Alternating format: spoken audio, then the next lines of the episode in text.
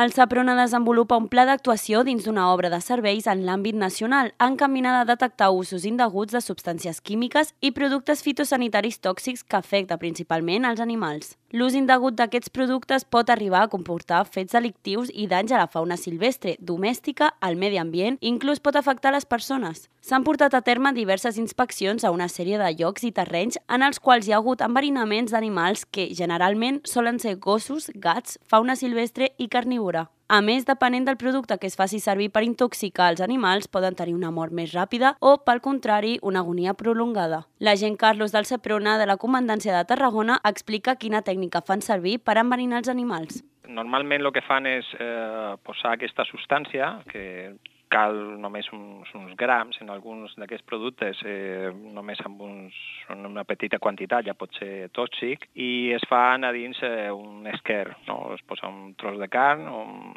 eh, i es, es contamina amb aquesta substància i l'animal l'ingereix i després, pues, una vegada que ja està intoxicat, eh, mor. Tot i que actualment no hi ha constància d'una afectació recent dels animals en la zona, el passat dimecres 8 de març es va detectar un magatzem a Riudoms amb productes tòxics descatalogats que s'han intervingut per tal de no fer-ne un mal ús.